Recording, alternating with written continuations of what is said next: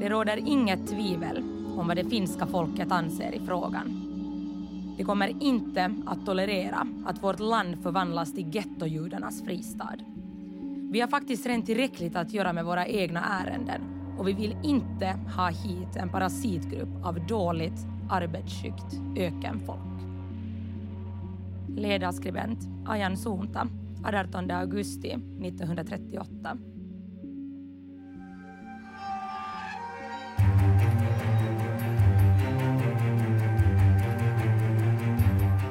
Lyssnar på Hissapodden med Veronica Aspelin och Anna Öhman. Stäng gränserna. Judiska flyktingströmmar till Finland under Hitlerregimen.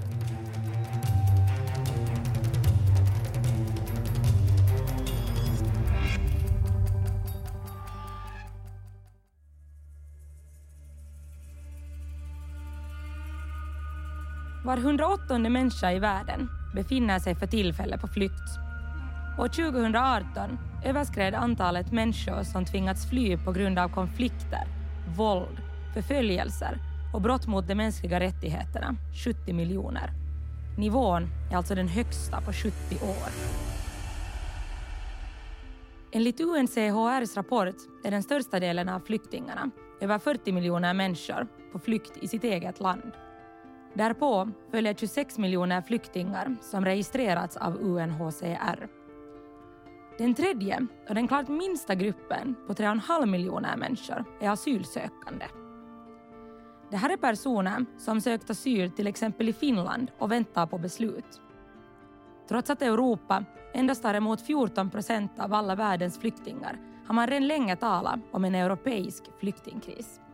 Redan under en tid har debatten om huruvida Finland ska ta emot fler flyktingar varit ganska polariserad. Under 2015 sökte ett rekordantal flyktingar asyl i Finland och samhällsdebatten om de finländska gränserna ska stängas eller öppnas gick och går fortfarande ganska het.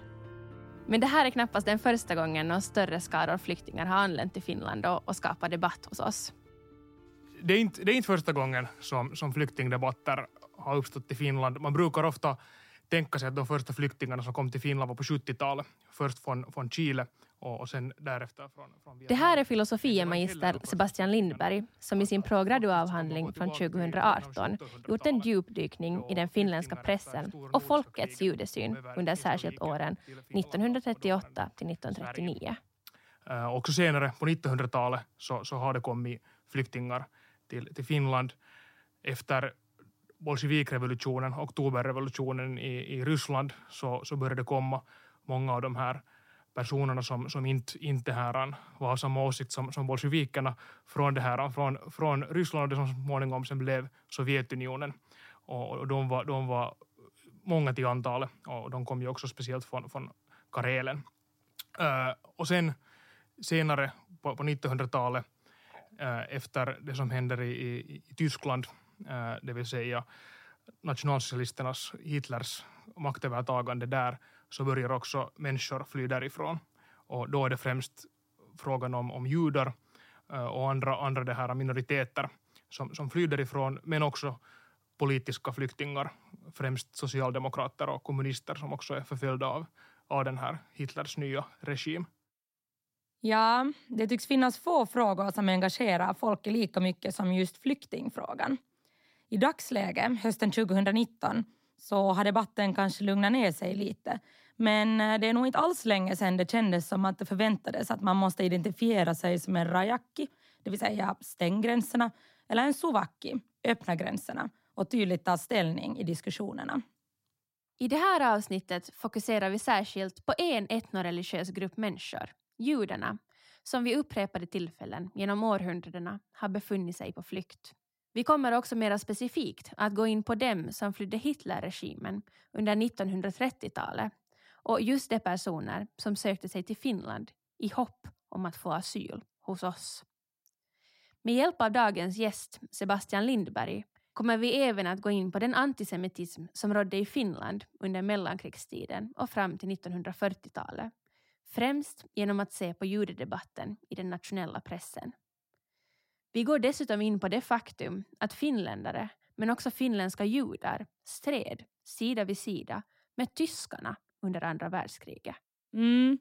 För även om Gustav Mannerheim i samtiden lär ska ha konstaterat att Finland inte har något judeproblem stod knappast hela befolkningen bakom uttalandet. Jag ville i min gradu studera judesynen i, i den här debatten om, om flyktingarna och, och då valde jag sex stycken tidningar som representerar så gott det går alla de främsta partier som, som fanns i Finland på 30-talet. Det var en fråga som, som, som redan länge har, har fascinerat mig. Jag, jag har under hela min, min, min studietid på ett sätt vilja, vilja söka ett svar till, till varför man, man har hatat judarna så mycket. Uh, varför ledde det till, till förintelsen under, under andra världskriget? Eh, och historien är ju inte en, en vetenskap som, som blir på ett sätt skriven en gång och sen är det gjort. Uh, då skulle det vara en, en, en hemskt tråkig vetenskap som hemskt få skulle kunna hålla på med. Utan, utan det går ju, allt går ju ut på att man, man det här, hittar nya spår, nya vinklingar, nya tolkningar av, av, av historien. Och, och det finns mycket som, som ännu inte är utforskat om, om judarna och om antisemitism och, och, och, och judendomens historia, i, speciellt i, i länder som Finland, där det har varit en mycket, mycket liten, liten minoritet. Jag valde tidningar helt enkelt av den orsaken att, att det var det största mediet under, under den tiden. Det var det som man, som man läste, speciellt om man ville ha liksom en, en sån här politisk äh, syn på det. Det fanns, det fanns ju radio också, men, men den, var, den var statligt ägd, Eh, rundradion, och, och, och, det fanns inte så mycket så här politisk debatt där inte. Men i tidningarna fanns det. Och, och då studerade jag alltså de sex största partitidningarna i, i Finland. Då var det Helsingin Sanomat som var den största tidningen eh, som stod mycket nära eh, Framstegspartiet som var ett, ett litet parti som inte mera finns men, men som var ett sånt här högerliberalt parti. Sen studerade jag Uusi-Suomi som, som var den andra största tidningen i Finland under den här tiden och mycket nära Samlingspartiet och var ett Samlingspartiets inofficiella språkrör. Uh, dessutom studerade jag Ajansunta som var IKLs, den fosterländska folkrörelsens partitidning, eh, väldigt politisk tidning med väldigt färggrant sätt att, att skriva. Och sen Suomen socialdemokrati som då, som namnet säger, var mycket nära SDP och, och de språkrör faktiskt. Och sen svenska pressen som, som var, var nära eh, äh, SFP. Äh, eh, och sist men inte minst så även Ilkka som var Agrarförbundets största tidning under den här tiden. Tyskland 1933. Nationalsocialisternas maktövertagande i Tyskland resulterar i att allt flera människor ser sig tvungna att lämna landet.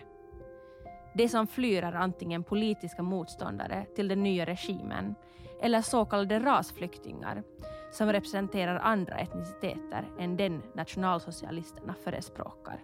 Arierna. Majoriteten av flyktingarna hör till gruppen rasflyktingar och av dem allra flest judar. Regimen har börjat med att frysa ut de judiska medborgarna genom att både inskränka på deras medborgerliga rättigheter och aktivt bojkotta deras affärer och företag. Man vill att judarna ska vantrivas och lämna landet så att Tyskland äntligen kan bli ett judefritt rike. Men attityderna mot de centraleuropeiska flyktingarna hårdnade. Till en början hade de flesta trott att Hitlerregimen skulle bli kortvarig och de flyende skulle kunna återvända hem, men snart visade det sig bli ett mera utdraget kapitel än väntat. De tillfälliga flyktinganläggningarna kostade pengar och regeringar greps plötsligt av panik inför tanken på att framstå som judevänliga. Rädslan för att hamna i trubbel med Tyskland ökade och en ofta hög arbetslöshet gynnades förstås inte av en ännu större befolkning utan arbete. Många judar och andra flyktingar hade kvar sina tillgångar i hemlandet och anlände utan några vidare ekonomiska resurser. Allt fler gränser stängdes och flyktingpolitiken hårdnade runt om i centrala Europa. Samtidigt ökade antalet flyktingar i stadig takt, särskilt efter att raslagarna i Nürnberg godkändes i september 1935. Antisemitismen är ju ett av, ett av de här stora frågorna och som, som, som har engagerat många, många det här forskare och, och, och, det finns säkert lika många svar på, på frågan att vad är antisemitism som det finns studier om det. Äh, men, men kanske så här helt kortfattat så, så själva ordet betyder ju då att man egentligen är, är på något sätt emot det semitiska folken eller, eller språken egentligen. Och, och då är ju liksom hebreiskan enbart ett av de semitiska språken. Men, men egentligen så, så, så är det ju då en sån här anti, antijudiskhet som, som, som, som man menar med det. Och, och det här ordet dyker upp i en sån här politisk mening första gången under 1800-talet. Det är en sån här tysk journalist och författare, Wilhelm Marm, som, som första gången använder det. Och, och, han är själv mycket antisemitisk och, och han använder det uttryckligen som en stolthetssak att han, han för en antisemitisk kamp mot, mot de här judarna.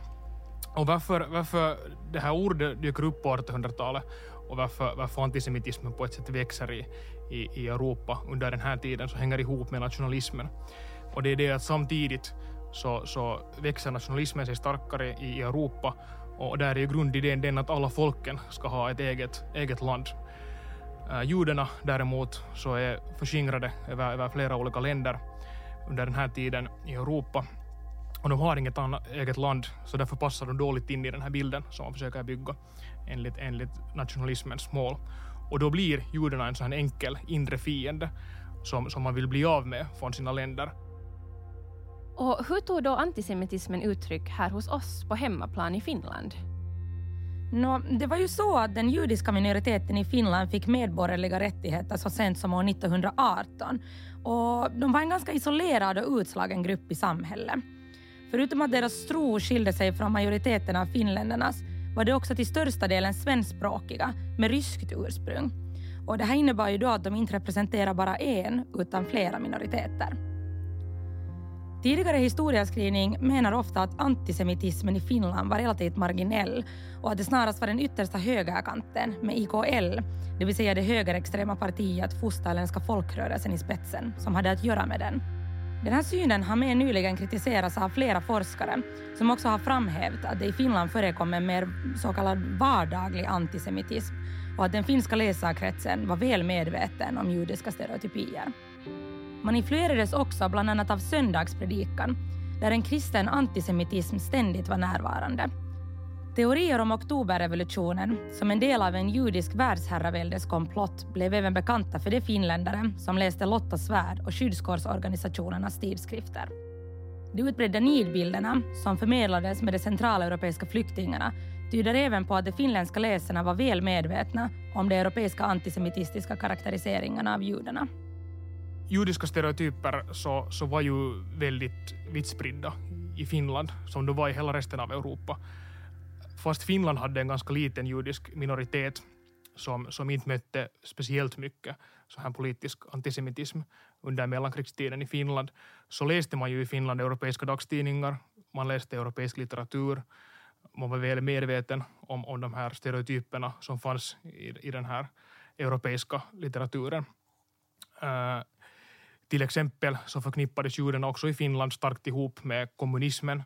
Det fanns en, det fanns en stark tro på att, på att judarna på något sätt konspirera för att, för att ta över världen. Faktum är att, att den här konspirationsteorin bland annat härstammar från ett sånt känt litterärt verk som, som heter Sions vises hemliga protokoll. Det här är ursprungligen en rysk propagandapamflett där man försöker regga upp den ryska befolkningen mot, mot, ryska, äh, mot, mot, ursäkta, mot judiska undersåtar. Den här pamfletten översattes sen till flera språk i Europa och den fick väldigt stor spridning och har ännu idag en väldigt stor spridning. Äh, I den här pamfletten så, så berättar man på vilka olika sätt judarna kommer att ta över världen.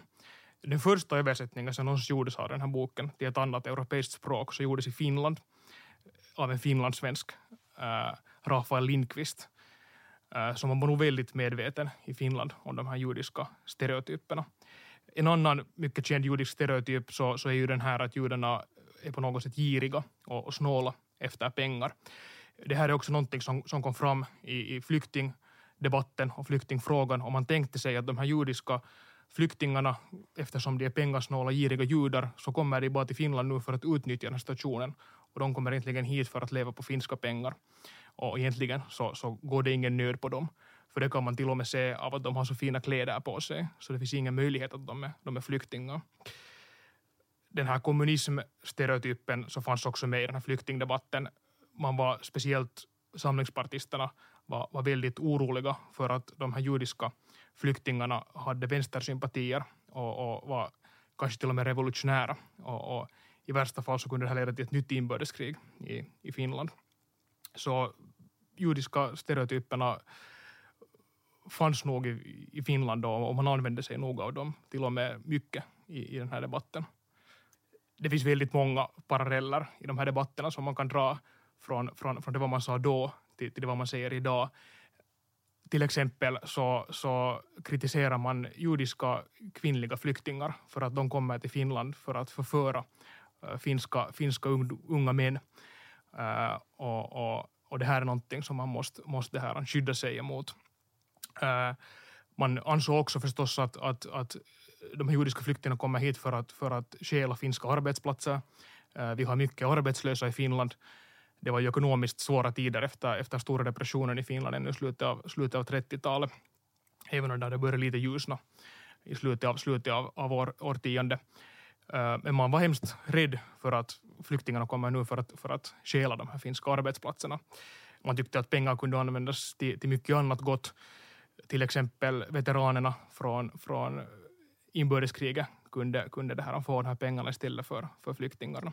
Och, och man ser ju direkta paralleller till, till dagens debatter.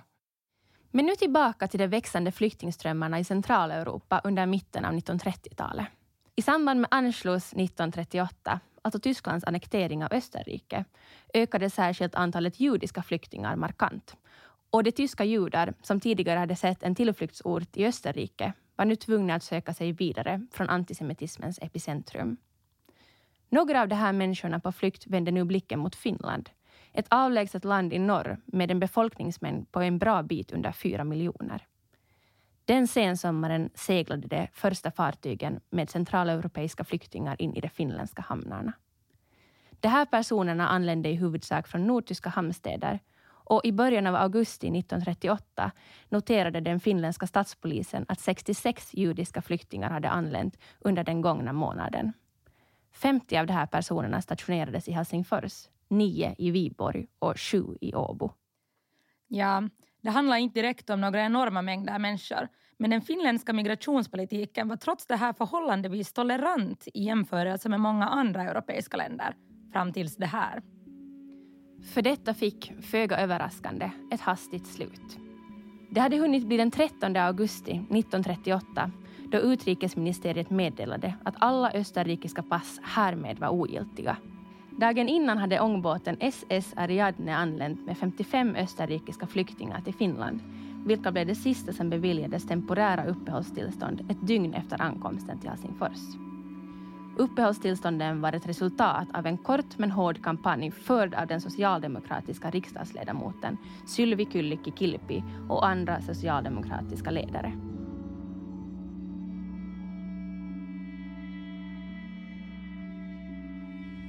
Redan dagen efter att de nya bestämmelserna hade tagits i bruk guppade följande flyktingbåt in mot hamnen på Skatuden i Helsingfors. På fartyget SS Rügen befann sig 60 flyktingar som alla dessvärre nekades inträde i landet. Fartyget fick återvända till hamnstaden Stettin i nordvästra Polen och hur de här människornas livsöden formades efter kan vi bara fantisera om och fasa inför. Också SS Ariadne gjorde ett nytt försök att ta i land på Skatudden i Helsingfors den 19 augusti 1938, en knapp vecka efter att de nya bestämmelserna hade införts. Också nu fick strax över 50 judiska flyktingar som befann sig ombord kalla handen. Även de här människorna som befann sig på flykt stötte alltså på ett gäng samtida Rajat Kini-anhängare. Stäng gränserna. Historier som de två tidigare nämnda fortsatte alltså att upprepa sig både den sensommaren, hösten och under därpå följande år. Människor som i desperation sökte sig långt ifrån sina hem och det liv de hade byggt upp, vars förhoppningar om en ny chans i ett annat tryggt land krossades. I februari 1939 konstaterade Urho Kekkonen, som då var landets inrikesminister, att det i Finland vistades 223 flyktingar från Centraleuropa, varav 14 hade fått arbetstillstånd. Senare forskare har konstaterat att det verkliga antalet troligtvis var något större som en följd av inkonsekvensen i myndigheternas registreringar av flyktingar. Men att vår invandrarpolitik var stenhård redan då, det kan väl ändå de flesta hålla med om. Och då kan vi väl inte låta bli att se på hur våra grannländer, som vi så gärna och ofta jämför oss med, tog sig an de här människorna som var på flykt. I januari 1939 befann sig 3000 till 3500 flyktingar i Sverige, cirka 400 i Norge och någonting mellan 1500 och 1800 i Danmark. De nordiska länderna sammanträdde också åren 1938 till 1939 i gemensamma konferenser där flyktingfrågan och någon slags lösning på den diskuterades. Men några konkreta resultat lyckades man aldrig enas kring. Att man i Danmark hade så mycket flera flyktingar berodde speciellt på landsgränsen till Tyskland medan svenskarna redan då hade en liberalare och tolerantare inställning till invandring. De som kom till Finland till slut så, så det var helt enkelt nog tvånget som, som förde dem hit, inte, inte den egna viljan.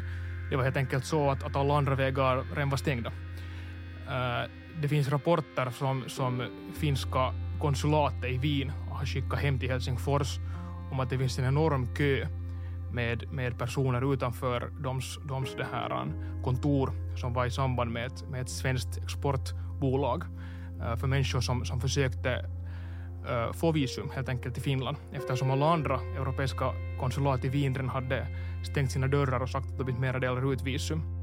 Och hur gick det för de eh, personer som då fick eh, uppehållstillstånd i Finland? Av de personerna som, som kom 30 och 39, just före kriget, kriget bryter ut till Finland, så mig veterligen stannade ingen kvar i Finland, utan, utan de alla förflyttades härifrån eller, eller flyttade av egen vilja någon annanstans. Uh, många av dem hade nog ursprungligen också säkert som, som, som, som, som, sin, som sitt mål att flytta till något annat land än, än till Finland. Uh, det här avlägsna Finland var, var få personers slutdestination. Många ville härifrån till, till till exempel till USA eller till, till Palestina.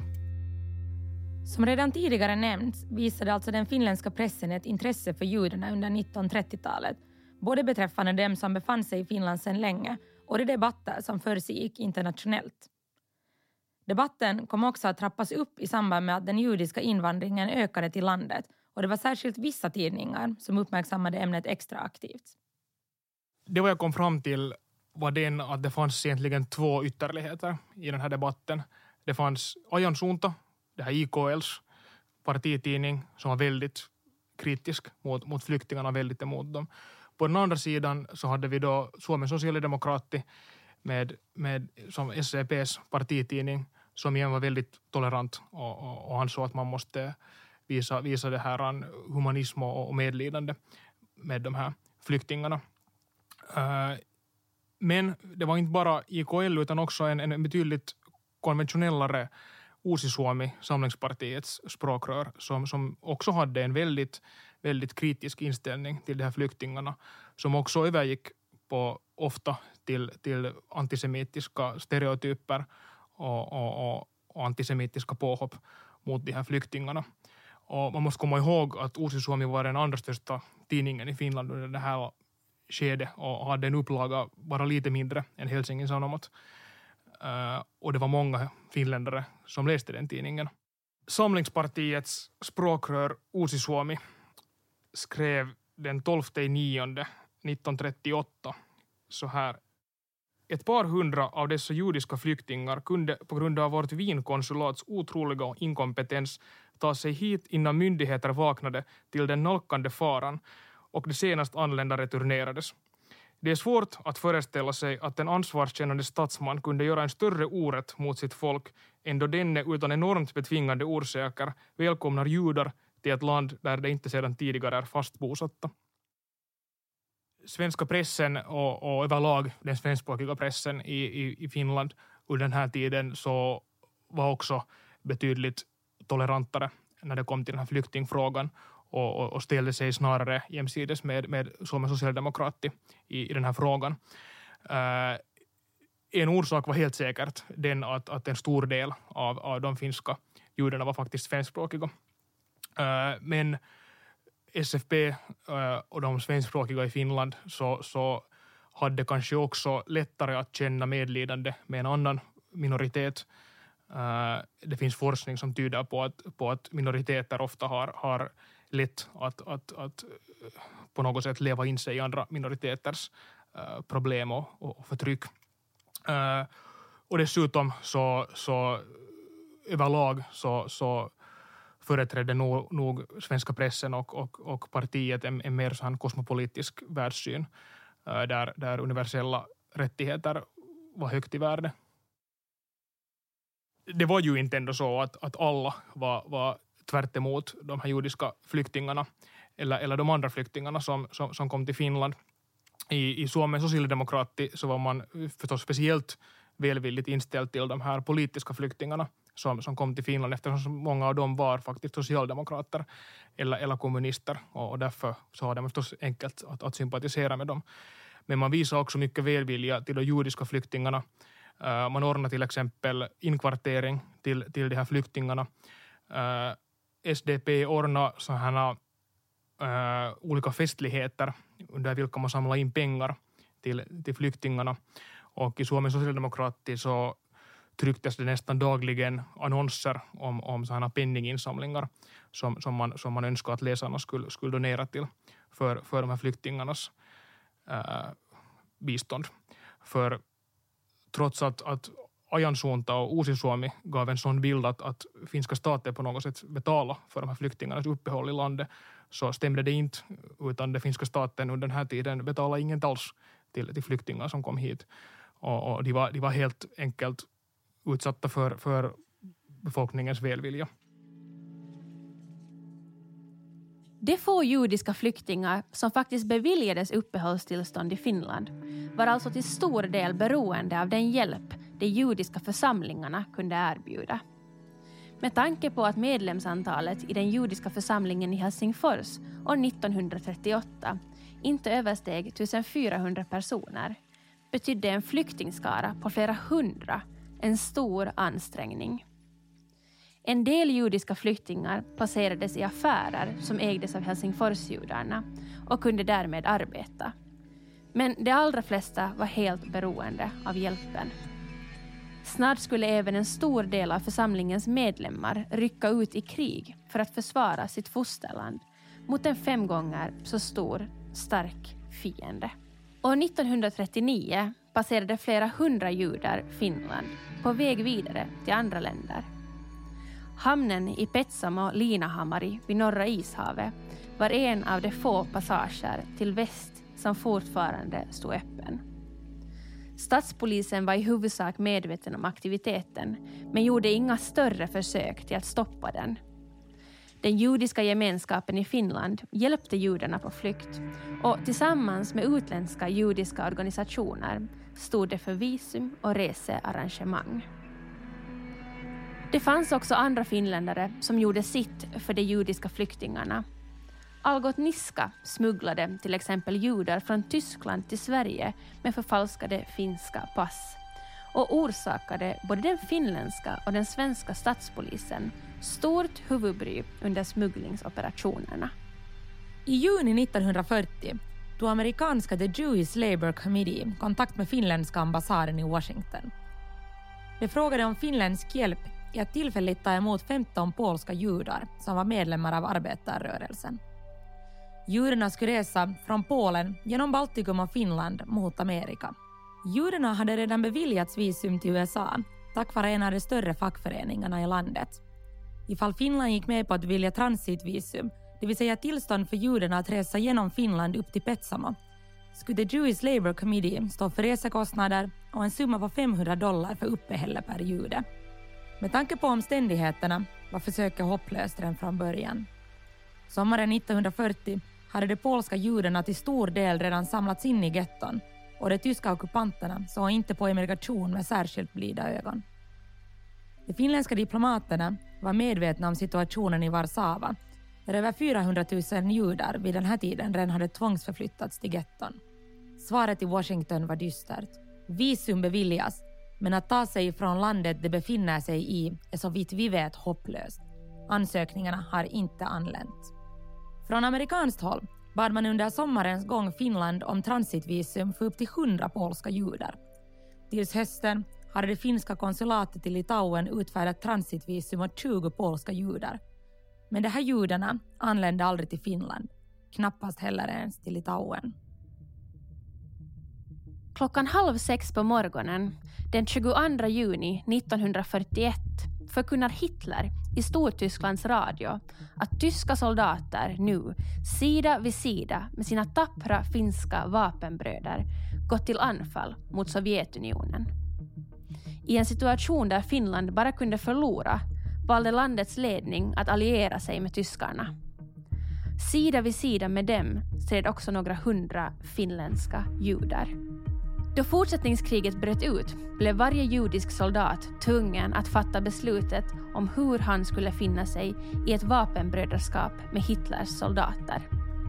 Lägesrapporter från Europa hade nått Finland och i allmänhet var judarna medvetna om Tredje rikets aktioner mot det egna folket, med undantag av just koncentrationslägren. Men ingen judisk soldat vägrade vapen Tvärtom så har de flesta en stor heder i att kunna delta i försvaret av sitt hemland, Finland. Ironiskt nog kunde de också som soldater i krig känna sig mera trygga i tyskarnas närvaro än i det civila. De flesta judiska finländare som stred i fortsättningskriget var unga män i 20-årsåldern som uppnått sin militära grad strax innan eller efter vinterkriget. Bland soldaterna förekom också några judiska veteraner från vinterkriget. En förhållandevis stor andel av de judiska soldaterna var även läkare som plötsligt fann sig i situationer där Waffen-SS-soldaters liv, ironiskt nog, låg i just deras händer. Vid den sovjetiska fronten, långt inne i Fjärrkarelen, uppfördes en synagoga av och för judarna här träffades judiska soldater varje lördag för läsning av Tora och gemensam gudstjänst. De tog sig dit på skidor, till häst eller till fots. Synagogan var känd även bland tyskarna som trots det här valde att lämna den i fred. Mer än 40 år senare beskrev reservens kapten Josef Lefock situationen så här. Vi var med om en ovärderlig välsignelse då vi kunde vara med och strida för vår frihet och vår mänskliga värdighet medan våra vapenlösa syskon av samma tro utplånades i våra grannländer i Norden och runt om i Europa.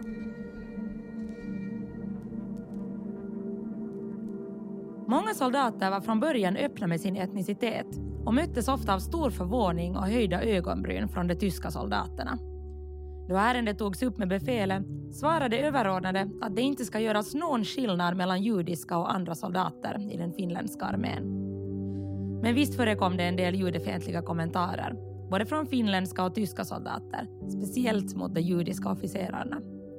Armén var inte skonad från antisemitism, men överlag hade finländska judar senare beskrivit relationen mellan dem och tyskarna som god. Trots att judarna ofta upplevde sig vara trygga och fullvärdigt inkluderade i det finländska försvaret blev de, precis som resten av befolkningen, allt mera smärtsamt medvetna om vad som skedde med deras trosfränder på kontinenten. Hösten 1942 nåddes det av ryktet om att åtta judiska flyktingar från Centraleuropa hade deporterats från Finland. Många unga barn och familjelösa judar planlade sin flykt till Sverige efter kriget. Planerna aktualiserades ytterligare år 1944 då de europeiska judarnas öden nådde den finländska armén. Det är en solig dag i Munksnäs, Helsingfors. Överallt syns människor. Kanske på väg hem, till jobbet eller skolan Kanske är de på väg för att träffa vänner över en kopp kaffe på ett av de närliggande kaféerna. Utanför huset, på Munksnäs parkväg 18B, glimmar tre minnesplaketter i solen. I tiderna bodde familjen Kollman på denna adress.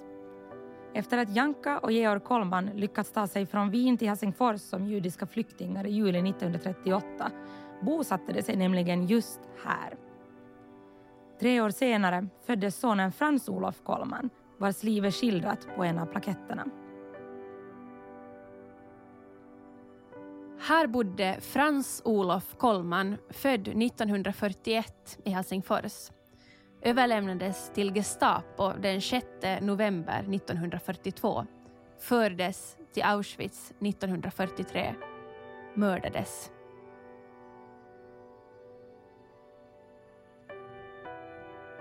–1943 deporterades fem judiska flyktingar från Finland till Nazityskland.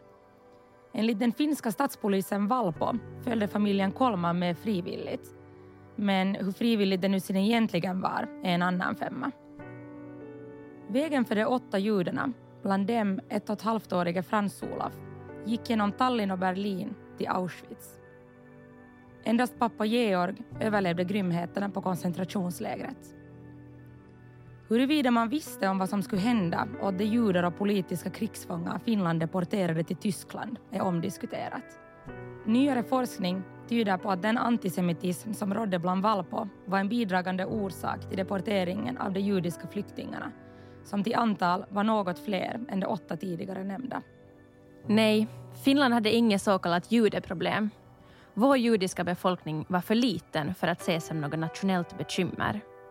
Men också här fanns individer som trodde på judendomen och som drabbades av Hitlerregimens största grymheter. Vi hör ju fortfarande också idag eh, många människor uttala sig på, på liknande vis om flyktingar. Ehm, här skriver de om parasitgrupp och det är kanske ett ordval man inte skulle välja idag. Men eh, hur tänker du på, på dagens eh, debatt i jämförelse med den som gick då? Idag så är den debatt som förs i den tryckta pressen kanske inte, inte, inte alls, alls lika, lika extrem. Däremot så har, har mycket av den här debatten flyttat över till nätet, speciellt i de sociala medierna eh, eller homoforum eller, eller andra sådana kanaler vart man kan, kan uttrycka sig på ett, på ett annat sätt än, än vad man skulle kunna publicera i, i pressen. Och, och, idag så har man kanske också ännu mera än, än tidigare en sån här anonymitet som, som, som skyddar en. Uh, och, och, och, man kan säga grymma saker utan, utan några konsekvenser.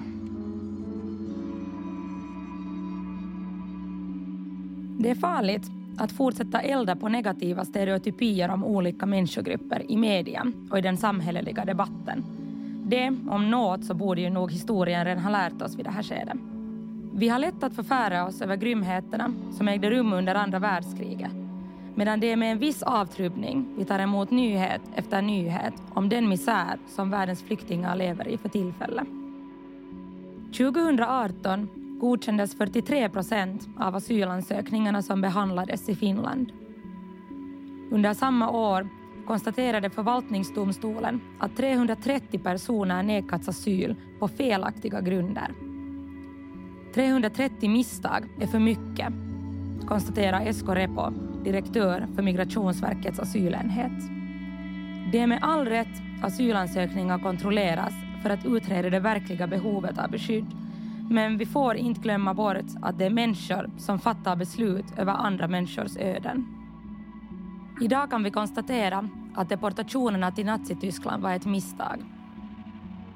Hur kommer vi att se på dagens tvångsutvisningar till länder i krig om 70 år? Det återstår att se.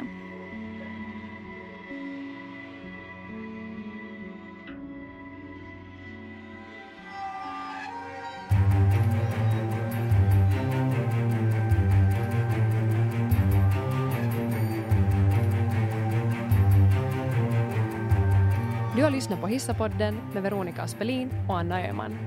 Inspelad av Tobias Jansson och producerad av Freja Lindeman.